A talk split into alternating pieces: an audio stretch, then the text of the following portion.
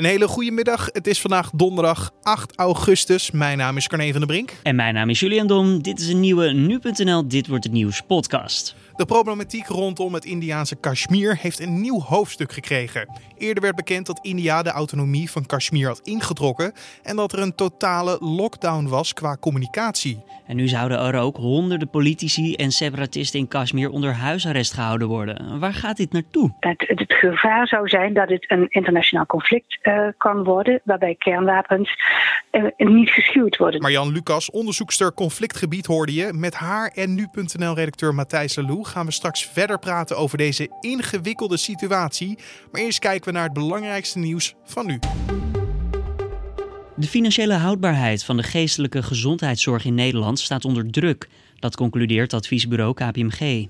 De sector gaat gebukt onder een toenemend tekort aan personeel en hogere kosten. Het personeelstekort blijft de komende jaren de grootste uitdaging voor de zorg, dat schrijft KPMG.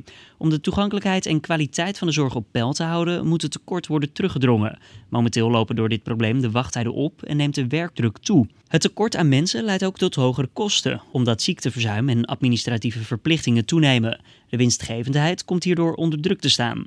Doorgaan op de huidige voet betekent vastlopen, waarbij aanbieders mogelijk failliet gaan, waarschuwen de onderzoekers van het adviesbureau. De Nederlandse fruitteleursorganisatie en de Belgische Boerenbond willen dat de Europese Unie de economische sancties tegen Rusland herziet. Doet de EU dat niet, dan zou er meer steun moeten komen voor de sectoren die het meest onder de sancties lijden, zoals de fruitteelt. Door de strafmaatregelen zijn de appel- en perentelers een belangrijke afzetmarkt kwijtgeraakt. Rusland kondigde de boycott in 2014 af als reactie op sancties vanuit de EU. Die werden ingesteld vanwege de Russische inmenging in Oekraïne.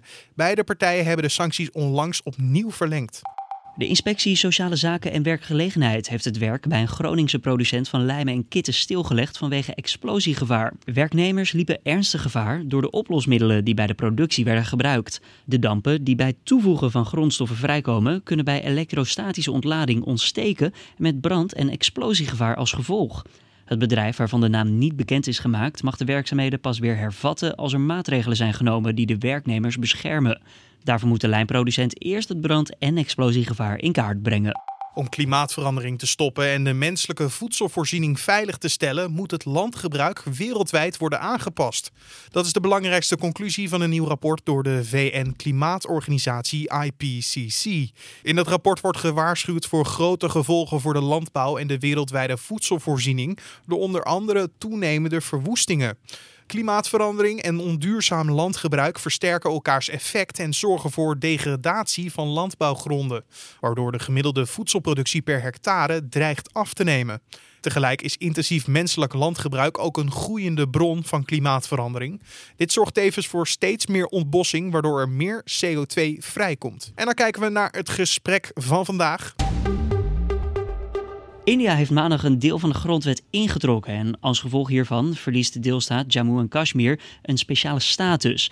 En het is nogal een omstreden besluit. Nou, daar gaan we uitgebreid over praten. Je hoorde in het begin al een klein stukje over kernwapens, maar voordat we daar naartoe gaan, is eerst even hier bij ons aangeschoven Matthijs Lelou van onze nu.nl-redactie. Matthijs, goeiedag. Goeiedag, Joe. Ja, um, dit is sowieso al een regio waar heel veel om te doen is geweest, ook in het verleden.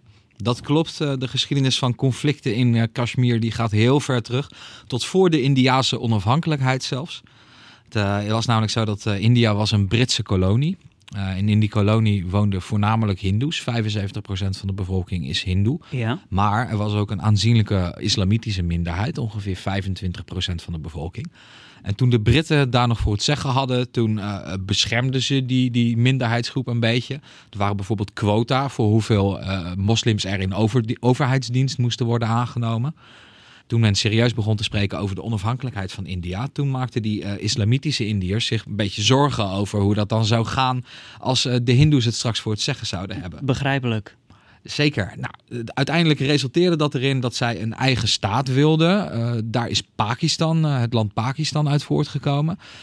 Dat uh, gebeurde allemaal een beetje van de een op de andere dag. De Britten zeiden op een gegeven moment van jongens, de onafhankelijkheid die is, uh, 1947 was dat, de onafhankelijkheid die is heel snel, dus we moeten het nu allemaal snel regelen. Dat zorgde ervoor dat miljoenen moslims richting Pakistan trokken. En miljoenen hindoes en sikhs die in dat gebied woonden, juist de andere kant op gingen. Het was een zeer chaotische en gewelddadige tijd. Dus naar schatting zijn er zo'n 200.000 tot 2 miljoen mensen omgekomen bij die omgekeerde volksverhuizingen. En, en hoe verliep dan die onafhankelijkheid in Jammu-Kashmir? Dat was ook een beetje, bleek een beetje problematisch te zijn. Want dat gebied werd bestuurd uh, onder de Britten door een uh, Maharaja, een plaatselijke prins. Die was zelf hindoe. En die prins die kreeg de keuze: wil je je aansluiten bij India of wil je aansluiten bij Pakistan? Nou, zijn persoonlijke voorkeur ging meer uit naar India. Maar hij dacht: als ik die beslissing nog een beetje uitstel, dan kan ik er misschien een betere deal uitslepen. Nou, Jammu en Kashmir, daar wonen overwegend moslims. En die moslims die zagen de keuze van hun prins voor India, zagen ze al een beetje aankomen. Daar eh, gingen ze niet mee akkoord, dus ze lanceerden een opstand tegen die, uh, tegen die prins met behulp van Pakistan. Ja, die prins die verzocht vervolgens India om hulp. India zei we willen wel helpen, maar dan moet je wel definitief de keuze voor ons maken. Dat deed hij. Vervolgens viel het Indiase leger Jammu en Kashmir binnen en veroverde weer een hele hoop terrein terug op, op de Pakistanen. Uiteindelijk uh, kwam het erop neer dat India iets meer dan de helft van dat gebied in handen had. Pakistan iets minder dan de helft. Dan is er ook nog een stukje Jammu en Kashmir, het hoogst gelegen deel. Want het hele gebied ligt in het Himalaya-gebergte. Dat in handen is van China. Dus dat is ook nog enigszins een speler. Maar belangrijkste, India een groot deel, Pakistan een groot deel.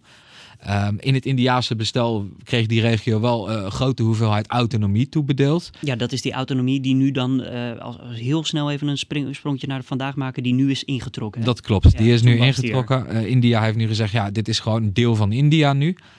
Uh, in de tussentijd, uh, in de jaren die uh, na die onafhankelijkheid volgden, hebben Pakistan en India nog wel twee oorlogen uitgevochten om, om Kashmir.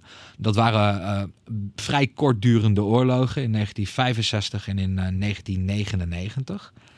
Um, in 1989 begon die lokale islamitische bevolking in Kashmir die begon een uh, opstand tegen India. Daarbij werden ze ook uh, gesteund door Pakistan. India die zegt Pakistan die, die helpt ze heel veel. Pakistan zegt nou ja we steunen ze eigenlijk alleen moreel. Uh, we steunen hun recht op zelfbeschikking, maar verder doen we er niet zoveel aan. Er zijn toch wel bewijzen dat uh, Pakistan ook die militanten daar in Kashmir ook wel van wapens en zo voorziet. Dus de situatie uh, in dat gebied bleef heel ongemakkelijk. Er is ongeveer 700 kilometer aan grens. Nou ja, het Indiaanse en het Pakistaanse leger die liggen aan weerszijden daarvan zwaar bewapend.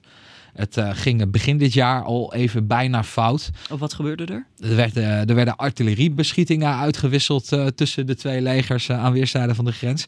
En er waren ook gevechtsvliegtuigen van beide kanten afgevaardigd. Er werd een Indiaanse straaljager werd neergeschoten door de Pakistanen. Uiteindelijk liep dat allemaal een beetje met een sisser af. De regeringen konden onderling konden ze het erover eens worden dat er niemand gebaat zou zijn bij een oorlog. Maar nu heeft uh, de Hindoe-nationalistische regering van uh, de Indiaanse premier Narendra Modi toch wel een hele grote stap gezet om die status quo in Kashmir uh, te verstoren door dat gebied, in ieder geval het Indiaanse deel, te claimen nu. Ja, maar nu wordt het dus ook gezegd dat er een totale lockdown is qua communicatie. Het is geen internet, er is geen telefonielijntjes meer die je kan worden gelegd. Wat weten we dan nu over deze regio? Wat krijgen we te horen? Niet zoveel. We hebben vandaag gehoord dat er uh, enkele honderden uh, Kashmiris die bekend staan als tegenstanders van India, lokale politici, separatistische leiders, die zijn opgepakt. Dus dat maakt ook deel uit van deze lockdown van India. Ja, we weten eigenlijk wel dat die, die, die bevolking daar, die is uh, zoals gezegd overwegend uh, moslim. En ja, die zien deze, deze actie van India eigenlijk ook niet zitten. Dus de Indiaanse regering is er heel erg beducht op dat er weer allerlei eh, separatistisch geweld ontstaat. Dus er lopen duizenden Indiaanse militairen over de straten daar. Burgers moeten binnenblijven. Ja, het uh, is een gespannen situatie daar. Nou, dankjewel uh, Matthijs Lalou van uh, onze Nu.nl-redactie. Fijn dat we even de, een situatieschets hebben over waarom deze regio zo ontzettend omstreden is. we praten erover verder met Marian Lucas. zij is onderzoekster conflictgebieden. Maar mevrouw Lucas, als we hierover verder gaan, ehm, ja, wat wil premier Modi nou eigenlijk bereiken met dit gebied? Wat hij wil is, is, is het, het hindoeïseren, zoals hij dat noemt, van de regio Kashmir. Wat nu een regio is met de meerderheid moslimbevolking. En door steeds meer Hindoes recht te geven om land te kopen, onroerend goed, banen en alles. Op die manier wil hij de moslimmeerderheid veranderen in een minderheid. En je kunt denken aan de Israëlische politiek van de nederzettingen in Palestijnse gebieden. Wat Israël ook doet om daar de, ja, de, de, de, de bevolking samenstelling te veranderen. En op die manier zal er dus een enorme verandering in uh, Kashmir gaan plaatsvinden, waar de mensen heel erg bang voor zijn. Want hun was beloofd dat Kashmir een, uh, een, een, een moslimmeerderheid zou blijven houden. Volgens afspraken die uh, in de tijd gemaakt zijn in VN-resoluties. Dat is uw verwachting, wat er misschien de komende tijd gaat gebeuren. Maar op welke, op welke manier zullen we dat de komende tijd gaan merken? Ja, we zullen dat merken doordat uh, India een uh, bepaalde politiek nou uitrolt. Um, en bijvoorbeeld, de, wat heel belangrijk is, ze, ze, ze schaffen een, een, grote mate van autonomie af, die voor, tot voor kort gold, of tot voor kort de afgelopen 80 jaar gold voor de regio. En um, dat, is, dat is een enorme bedreiging voor de me mensen in Kashmir, die uh, het beschouwen als een derde stap in een, in een, een steeds verdere onderdrukking van hun, uh, hun, hun, hun Kashmir, uh, hun staat Kashmir.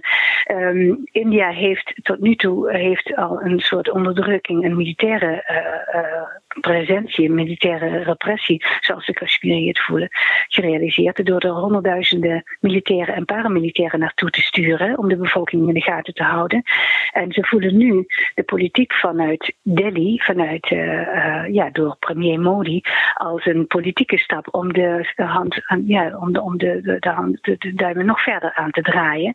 En dat zal, dat zal de Kashmiri-bevolking echt niet uh, zomaar over zijn kant laten gaan. Nee, want als we het hebben over de grootste vorm van escalatie, zou dit kunnen leiden tot een, een oorlog, een burgeroorlog?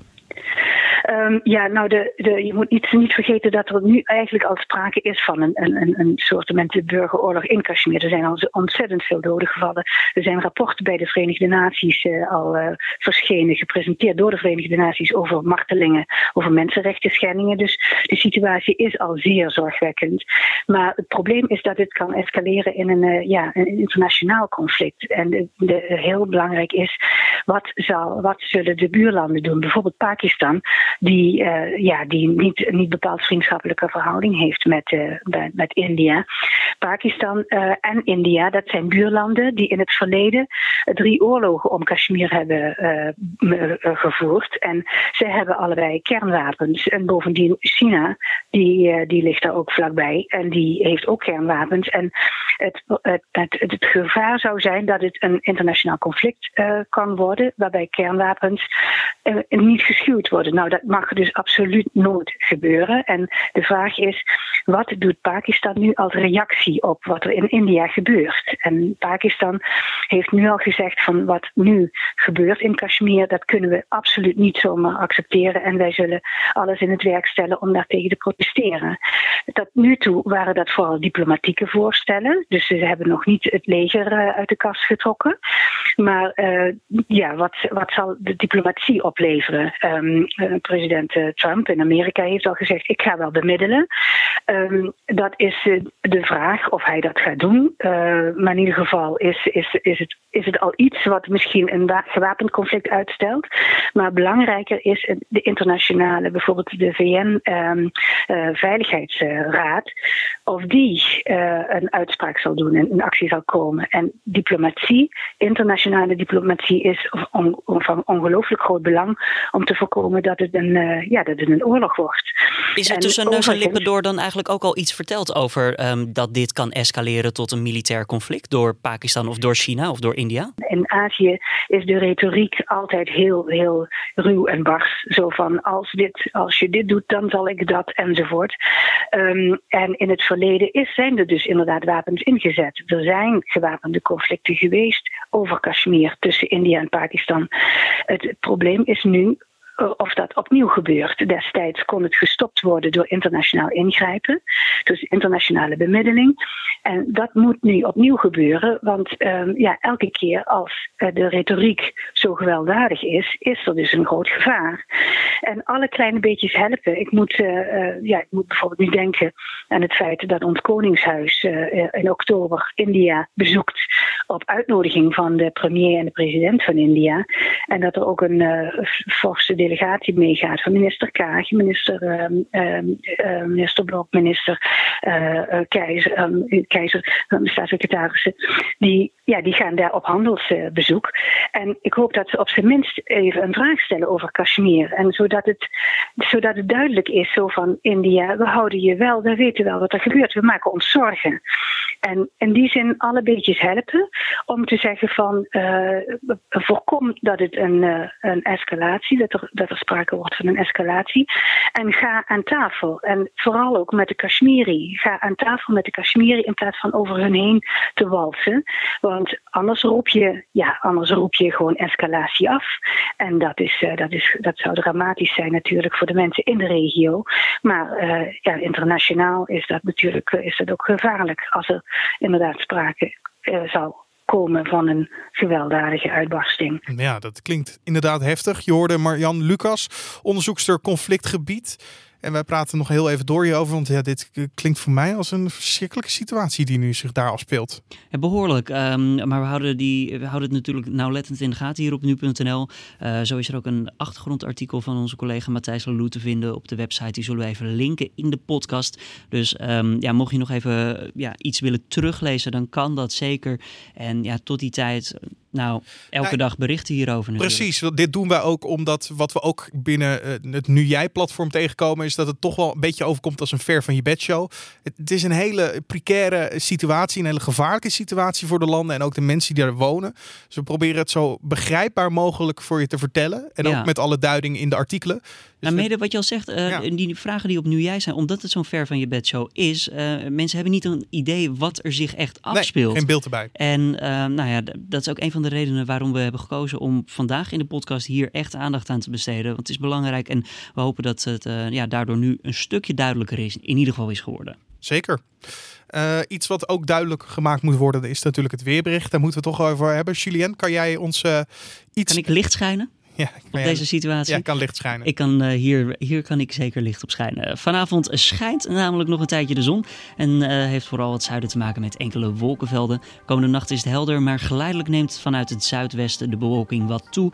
En later in de nacht neemt dan de kans op uh, buien ook wat toe weer. De temperatuur die daalt s'nachts naar zo'n 14 tot 18 graden. Als we dan ook nog even naar morgen kijken. In de ochtend weer wat wolkenvelden. En vooral in het midden en westen van het land komen er weer wat buien voor. En ja, een kleine kans op een tikje onweer. Overdag regen en een temperatuur van 24, en een temperatuur van 24 à 25 graden. En dit was dan de Dit wordt het nieuws podcast voor deze 8 augustus. Je vindt de podcast natuurlijk elke dag in de zomerse weken op de voorpagina van nu.nl in de middag en in je favoriete podcast app. Je kan ons laten weten wat je van deze podcast vindt via een mailtje naar podcast@nu.nl. Zo kan je ons ook uh, laten weten wat je van deze nieuwe vorm vindt. En je kan ons natuurlijk ook verblijden met een recensie in iTunes. Mijn naam is Corne van der Brink. En mijn naam is Julian Dom. Voor nu een hele mooie donderdag en tot morgen bij de Week van Nu.